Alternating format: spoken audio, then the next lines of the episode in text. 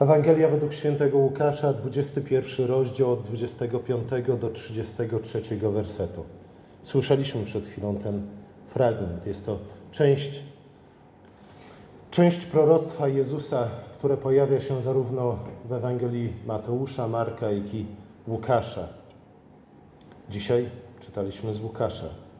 Mówi ono, cała część proroctwa tego, mówi o upadku świątyni i zniszczeniu Jerozolimy. Zapowiada również wielki ucisk. Ucisk, który prowadzi, jak bóle porodowe, do Królestwa Bożego.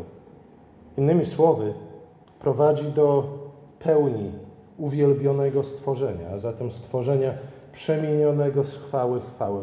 Stworzenia, którym od początku ziemia miała się stać na podobieństwo nieba. Ale to oznacza również przemianę samego człowieka. Bez przemiany człowieka ze stanu dziecięcego, czy też częściej w dzisiejszych czasach z dziecięniałego, do stanu pełni dojrzałości prowadzi dokładnie ta sama droga. I o tym między innymi dzisiaj będziemy mówić. Tak naprawdę to proroctwo z 21 rozdziału Ewangelii Łukasza jest bardzo podobne, czy też tak naprawdę mówi o tych samych wydarzeniach, o których wcześniej mówił już prorok Daniel. I o których w formie bardziej symbolicznej mówi Apokalipsa. Ale Jezus mówi nie tylko o Jerozolimie i nie tylko o świątyni. Mówi, że po ucisku tamtych dni, a będzie to wielki ucisk, w którym w czasie którego święci zostaną zamordowani ze względu na wiarę. Widzimy słońce, które się zaćmiewa, księżyc, który już nie daje światła, gwiazdy, które spadają z nieba. We fragmencie, który przeczytaliśmy, jest to określone jako poruszenie ciał niebieskich. Według Jezusa w tym czasie upada nie tylko Jerozolima, ale tak naprawdę oznacza to koniec całego świata. I rzeczywiście jest to miejsce, z którego zrozumieniem mamy często problemy i trudności. I to z kilku powodów. Pierwszy jest taki, jak to jest możliwe, że upadek świata jest tak naprawdę skutkiem upadku Jerozolimy. Jak ten fragment może mówić tylko i wyłącznie o Jerozolimie i świątyni? A z drugiej strony, drugi problem polega na tym, o czym tak naprawdę Jezus mówił, a zwłaszcza o jakich czasach mówił.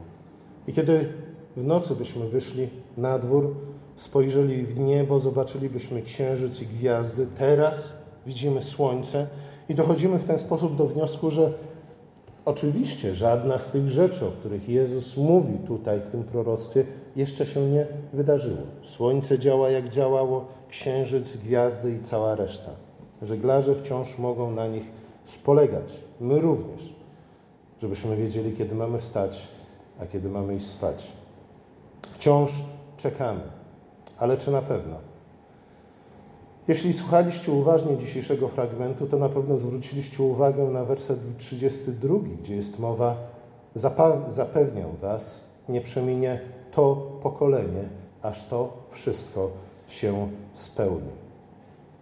Kiedy Jezus mówi tutaj to pokolenie, to najprawdopodobniej ma na myśli to pokolenie. Nie nasze pokolenie, nie żadne przyszłe pokolenie, ale to pokolenie, do którego przemawiał. W Ewangelii Mateusza dokładnie to samo stwierdzenie znajdujemy. To pokolenie nie przeminie, zanim te wszystkie rzeczy się nie staną. Zatem Jezus mówi tutaj o czasie apostołów. Mówi, że zanim czas apostołów dobiegnie końca, to wszystko się wydarzy. Słońce spadnie, księżyc spadnie, gwiazdy spadną. Nie dadzą więcej światła i nie będą już więcej naszymi przewodnikami przez życie. Zatem wygląda na to, że to proroctwo, włącznie z upadkiem świątyni Jerozolimy, a także tak naprawdę końcem świata, dotyczy wydarzeń drugiej połowy I wieku naszej ery, czyli po Chrystusie, roku Pańskiego. Ciała niebieskie zostały stworzone czwartego dnia tygodnia. Zostały stworzone po to, aby rządziły aby rządziły dniem i nocą, a także aby rządziły porami roku, dni i lat. A zatem mamy tutaj dwie kluczowe rzeczy. Po pierwsze, światła niebiańskie, księżyc, słońce, gwiazdy rządzą dniem i nocą. I słuchajcie, ponieważ taka jest ich funkcja w naturze, z tego również powodu są naturalnymi symbolami władców i panów. Ba, powinniśmy nawet, nawet powiedzieć, że kiedy Pan Bóg stwarzał słońce, księżyc i gwiazdy, to stwarzał je dokładnie w tym celu, aby służyły nam za symbole władców. To nie było tak, jak jacyś tam antropolodzy kultury albo religioznawcy mówią, a człowiek tak sobie to wymyślił, bo mówi, o, słońce, fajny symbol. Nie, było dokładnie na odwrót. Najpierw była myśl o władcach i panach, a dopiero potem powiedział, jaki symbol mógłbym stworzyć, żeby on mógł ich reprezentować. Słuchajcie, do tej pory to widzimy. Królów nie za bardzo już mamy. Jest jakaś królowa w Anglii ponoć jeszcze, chociaż czysto symboliczna najprawdopodobniej. Nie, ale królowie w dawnych czasach lubili się ubierać w taki sposób, żeby przynajmniej częściowo przypominać to, że są władcami, jak to słońce, jak ten księżyc, jak te gwiazdy. Ludwik XIV nazywał się kim? Był królem słońcem. Ale słuchajcie, bliżej i naszych czasów, i naszej długości geograficznej było inne słońce, które nam panowało. No, nam niedokładnie, ale za miedzą niemalże. Było słońce Karpat. O kim jest mowa? Ja wiem, że Andrzej wie, bo Andrzej kiedyś słuchał pani na lekcji historii. Czałczewsko oczywiście, nasz ulubieniec. Słuchajcie, szaty królewskie bardzo często były ozdobione, czy to słońcem, czy gwiazdami, trochę bardziej na południe księżycem, czy też półksiężycem.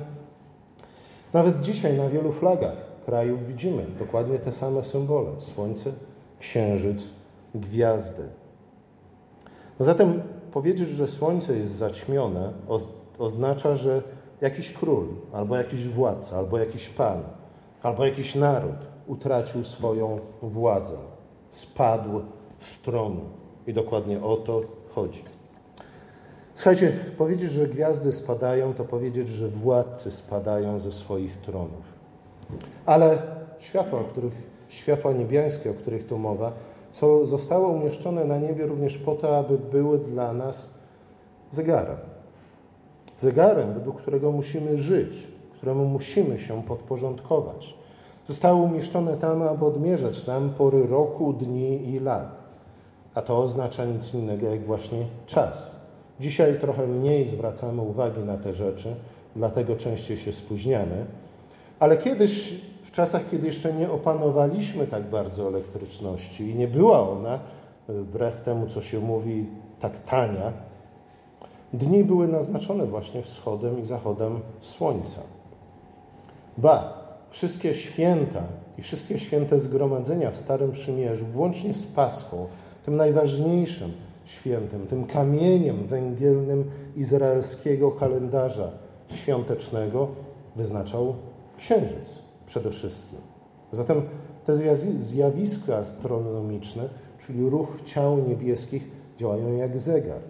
Kiedy Jezus mówi, że słońce się zaciemni, oznacza to, że czyjś dzień dobiegnie końca, czyjś czas dobiegnie końca, czyjś zegar zostanie zatrzymany. W ten sposób powinniśmy odczytywać nie tylko to proroctwo, ale też inne proroctwa, które, przynajmniej te, które posługują się tą samą symboliką, a takich znajdujemy co najmniej kilka. W Starym Testamencie prorok Izajasz, opisując czy też zapowiadając upadek Babilonu, mówi tak: Gwiazdy nieba i ich konstelacje nie będą już jaśnić swym słońcem. Światłem słońce się zaćmi, gdy tylko wzejdzie, a księżyc straci swój blask. Bardzo podobny język. Prorok Ezechiel, Ezechiel mówiąc o Egipcie, stwierdza, co następuje. Gdy zgaśnie Twoje światło, zasłonię niebo i zaćmię gwiazdy, słońce zakryję chmurami, a księżyc utraci swój blask. Zatem zarówno, Izra i, zarówno Izajasz, jak i Ezechiel mówią o pewnych państwach. Ba, mówią o pewnych imperiach i ich władcach. Mówią o władzy politycznej. Mówią o świecie Babilonu i o świecie Egiptu. I mówią o ich końcu tak, jak byłby to rzeczywiście koniec świata. Słuchajcie, to jest pewnego rodzaju metafora, bo wiemy, że nie oznacza to końca świata w sensie absolutnym, ale dla każdego Babilończyka, czy też dla każdego Egipcjanina, tak jak później dla każdego Żyda, to był koniec ich świata. A ja bym powiedział nawet więcej niż tylko i wyłącznie ich osobistego świata. Dlatego, kiedy Jezus prorokuje, mówi nie, tylko, mówi nie tyle o upadku układu słonecznego, ale o zaćmieniu wielkich mocy, wielkich władców, wielkich imperiów. I znów pytanie, o jakich imperiach i o jakiej mocy jest mowa. Zasadniczo cały ten dyskurs oliwny, jak to się nazywa, dotyczy upadku Jerozolimy. Ale tutaj również powinniśmy się zastanowić, no dobrze, ale dlaczego upadek Jerozolimy ma oznaczać koniec świata? Dlaczego przy pomocy upadku Jerozolimy mamy opisywać koniec świata?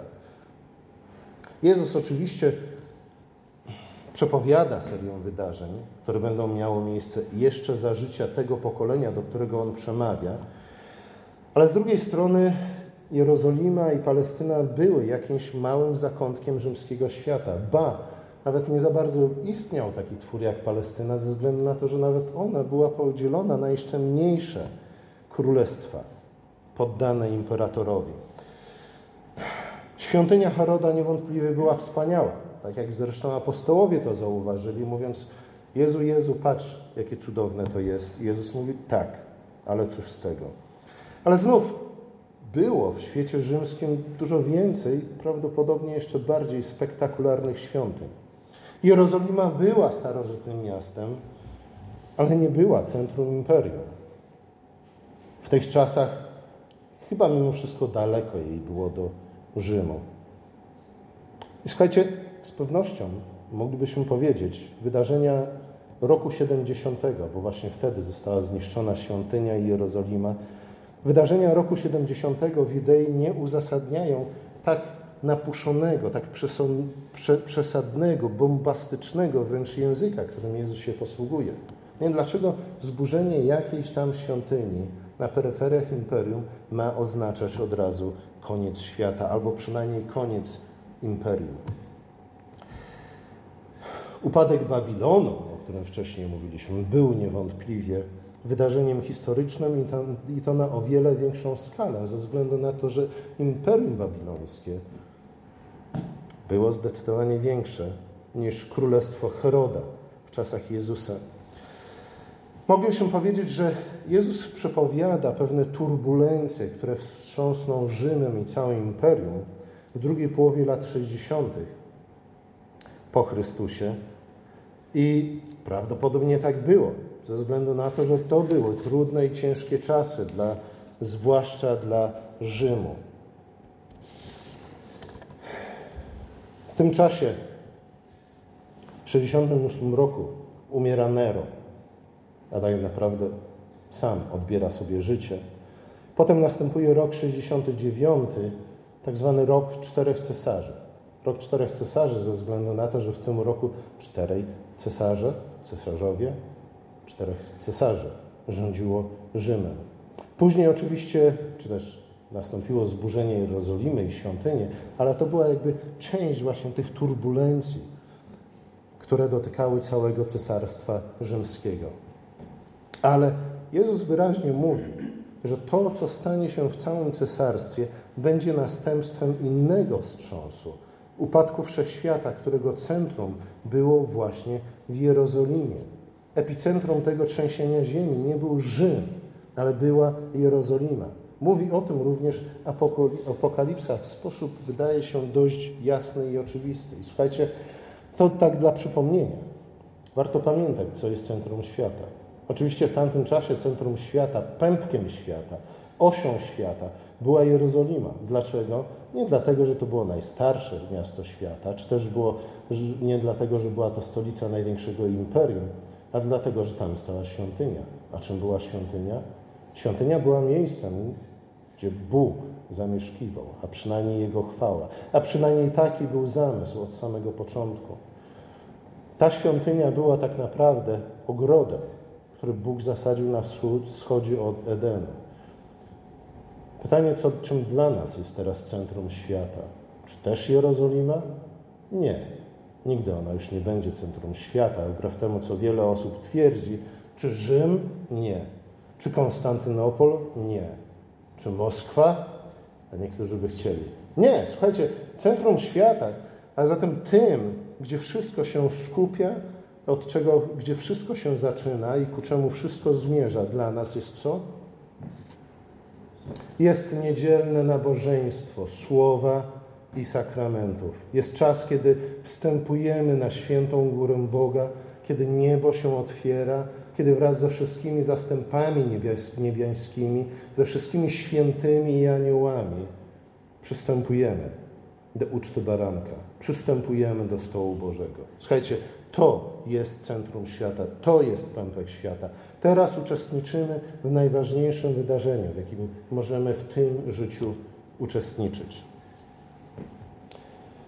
Niektórym wydaje się, że tak nie jest.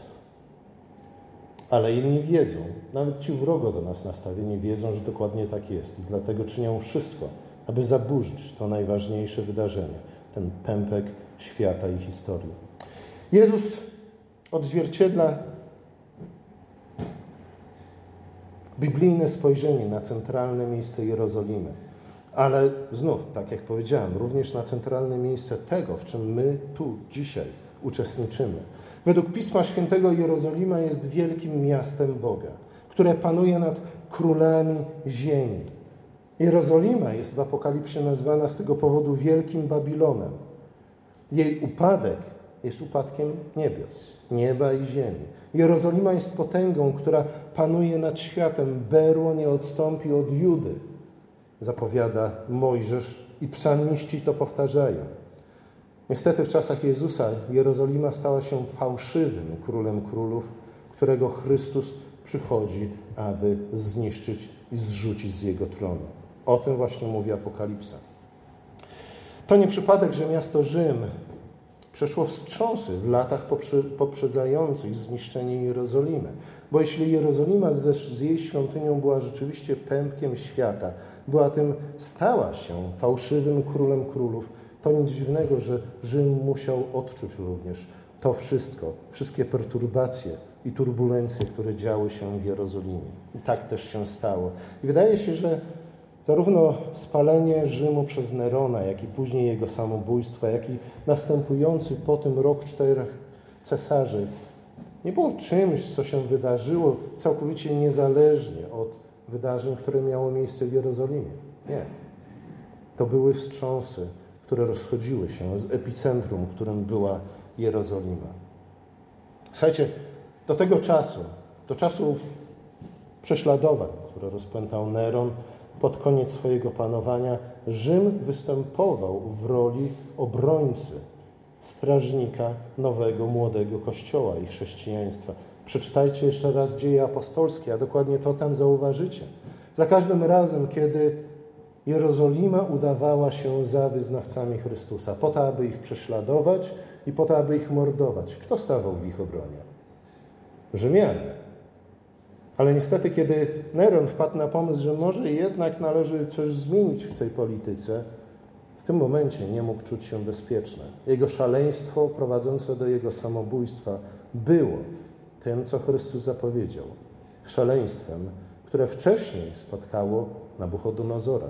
Szaleństwem, które Bóg spuszcza na każdego władcę, który zwraca się przeciwko jego ludowi. I słuchajcie, to jest pewna lekcja historii zachęcająca nas do tego, żebyśmy jednak zanim chwycimy broń w dłoni i zaczniemy planować kolejny zamach na cara czy jakiegoś innego władcę, być może wykazali się odrobiną cierpliwości.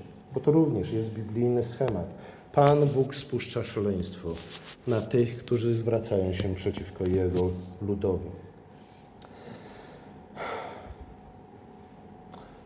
Wszystko to jest wstępem do, do rzeczy najbardziej może intrygującej w tym, w tym fragmencie, a więc do przyjścia Syna Człowieczego. Zawsze, kiedy słyszymy tę frazę przyjście Chrystusa na obłokach, wydaje nam się, o, to jest to powtórne przyjście Chrystusa na sąd ostateczny. Może tak, może nie. Zobaczmy. Po pierwsze, Jezus mówi, nie przeminie to pokolenie. To powinno nam coś dać do myślenia. Z drugiej strony, między tym, co Jezus mówi wcześniej, a tym, co mówi o znaku Syna Człowieczego, czy też jak Mateusz tu ujmuje o przyjściu Chrystusa na obłokach, nie ma żadnej przerwy, nie ma żadnego przeskoku w czasie, nie ma nic w tekście, co by sugerowało nawet, że do tej pory Jezus mówi o wydarzeniach pierwszego wieku, a teraz nagle ni stąd ni zowąd przeskakuje do wydarzeń, które będą miały miejsce za 100 tysięcy lat. Nie. Albo w 2020 roku. Też nie. Wszystko to, Jezus stwierdza, wydarzy się zanim umrze ostatni człowiek, który słyszy moje słowa i który słyszy zwiastowanie apostolskie. A jedyną, jedną z rzeczy, które wydarzą się przed, tym końc, przed końcem tego pokolenia, będzie znak Syna Człowieczego, który pojawi się na niebie, czy też pojawi się na obłokach. Znów, aby lepiej zrozumieć ten werset 27, musimy udać się do tekstu z księgi Daniela, a dokładnie do siódmego rozdziału. Tam również jest mowa o Synu Człowieczym, który wstępuje do nieba i o znaku Syna Człowieczego który wstąpił do nieba. Po co wstąpił do nieba? Po to, aby przejąć wszelką władzę w niebie i na ziemi. Po to, aby zasiąść na tronie w niebie. Słuchajcie, tym znakiem w tym proroctwie, zarówno u Łukasza, jak i u Mateusza, jest właśnie upadek Jerozolimy i jej świątyni. Kończy się jeden czas, jedna epoka, jedna era, rozpoczyna się nowa. Tak naprawdę powinniśmy liczyć nową erę nie od roku zerowego, ale bardziej od roku 70. Ale trudno, my tego nie zmienimy. Zniszczenie miasta, zniszczenie świątyni jest dowodem na to, że cała władza i moc zostały przekazane w ręce Syna Człowieczego. Jest to innymi słowy wywyższenie Chrystusa i Jego rehabilitacja. To miasto, które skazało Go jako najgorszego buntownika, jako wichrzyciela, jako ten, który przychodzi po to, aby omamić ludzi, po to, aby przyszli Rzymianie i zburzyli to miasto, ten właśnie Chrystus został wywyższony. Bóg przyznał się do Niego, Ojciec przyznał się do Niego, wywyższył Go, przekazał Mu wszelką władzę. Innymi słowy, Chrystus został nie tylko w pełni zrehabilitowany, ale otrzymał to, na co zasłużył. Ale znów, Kim jest Syn Człowieczy? My od razu byśmy powiedzieli, tak, przecież to Jezus. Przed chwilą sam powiedziałeś. Tak, ale nie tylko. Tak, a nie, ale nie tylko. Ze względu na to, że w proroctwie Daniela Syn Człowieczy ma znaczenie zbiorowe. Syn Człowieczy to nie tylko Chrystus zatem, ale Syn Człowieczy to cały Chrystus, a więc głowa razem z ciałem to Chrystus i Jego ciało, Chrystus i Jego oblubienica, Chrystus i Jego Kościół. I znów, upadek Jerozolimy dowodzi, że Jezus jest prawdziwym prorokiem, ponieważ spełniło się Jego proroctwo. A zatem Bóg przyznał się do Niego.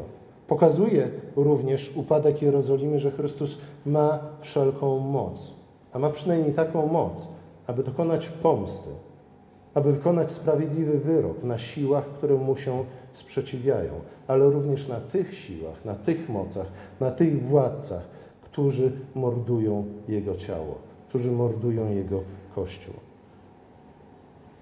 Jeśli upadek Jerozolimy jest wywyższeniem Jezusa, to jest również wywyższeniem Jego ludu, wywyższeniem tych wszystkich, którzy dochowali Mu wierności, nawet za cenę własnego życia. Jest to dowód na to, że Chrystus został intronizowany w miejsce tych wszystkich innych władców, w miejsce tych innych wszystkich władców, nawet zasiadających na obłokach niebiańskich, a więc również szatana, ale jest to również dowód na to, że Jego lud zasiada z Nim na tronie w okręgach niebieskich. I słuchajcie, to jest jedna, może nie jedyna, ale jedna z głównych lekcji właśnie z tego fragmentu, z upadku Jerozolimy. Jest to znak, że Chrystus jest wierny swojemu słowu i wierny swojemu ludowi. Jest to znak, który ilustruje zarówno z jednej strony obietnicę Ewangelii, jak i z drugiej strony wymagania, jakie stawia przed nami Ewangelia. Obietnica jest taka, że Jezus jest godzien zaufania, że On dotrzymuje słowa. I upadek Jerozolimy dowodzi, że możemy zaufać Jego słowom, ponieważ wydarzyło się dokładnie to, co przepowiedział. Dla nas jest to znak, że Jezus zamierza włączyć swój lud do udziału w Jego panowaniu. Jesteśmy królami i jesteśmy królowymi. Z drugiej strony jest to wymóg Ewangelii. Ten fragment przypomina nam o wymogu Ewangelii. Innymi słowy, o tym, czego Ewangelia od nas oczekuje. Bo wbrew, wbrew uproszczonej wersji Ewangelii, Ewangelia jest nie tylko i wyłącznie darem, jest nie tylko pojednaniem, jest nie tylko darem łaski Bożej i przebaczeniem naszych grzechów, ale Ewangelia jednocześnie jest wymogiem, jest oczekiwaniem, jest zadaniem, jest powołaniem, które otrzymujemy. Jezus objął władzę, znosząc wielki ucisk krzyża. Dlatego mówimy o pasji, o męce pańskiej. To jest jedyna droga do władzy. I dobrze, że tak jest, ze względu na to, że nie chcemy, aby na jakimkolwiek tronie zasiadał człowiek, który zdobył tę władzę w jakikolwiek inny sposób niż ten, w jaki zdobył ją Chrystus. Nie chcemy, aby wywyższeni zostali ludzie, którzy nigdy nie przeszli przez jakąś wersję swojego małego, wielkiego ucisku, ze względu na to, że to jest droga, którą pokazał nam Chrystus. A zatem to jest jedyna dobra i słuszna droga do władzy. Jezus wstąpił do swojej chwały przez cierpienie. Ojciec włożył koronę na głowę Chrystusa, dlatego że wcześniej Chrystus został wywyższony na krzyżu. Ale słuchajcie, jeśli to dotyczy głowy, jeśli to dotyczy Chrystusa, to to dotyczy również nas wszystkich. Pokorni zostaną wywyższeni, pyszni zostaną poniżeni. I słuchajcie, tak powinno być. Dokładnie po to Chrystus przyszedł na świat. O tym będziemy mówić niedługo już, na pewno jeszcze w czasie tego adwentu. Zarówno Magnifikat Marii, jak później pieśń Zachariasza, dokładnie w tych kategoriach mówią o przyjściu Chrystusa. A On przychodzi po to, aby wywyższyć poniżonych, a poniżyć wywyższonych. I do, dopiero w ten sposób świat ponownie stanie na głowie. Nie, świat stoi na głowie i ponownie stanie na nogach. Tak powinno być. Tego powinniśmy oczekiwać. To jest treścią Ewangelii. Ale jeśli to jest treścią Ewangelii, to musimy być gotowi na to, aby Bóg również nas postawił z powrotem na nogach, żebyśmy nie stali więcej na głowie. A droga do tego jest tylko jedna przez wielki ucisk, przez bóle porodowe. Tylko w ten sposób dziecko może przyjść na świat. Pokorni zostaną wywyższeni, a pyszni poniżeni. Znów to z jednej strony jest obietnicą Ewangelii, ale z drugiej strony jest to wymogiem Ewangelii. Powinniśmy być gotowi na to, powinniśmy oczekiwać tego i powinniśmy przyjąć to.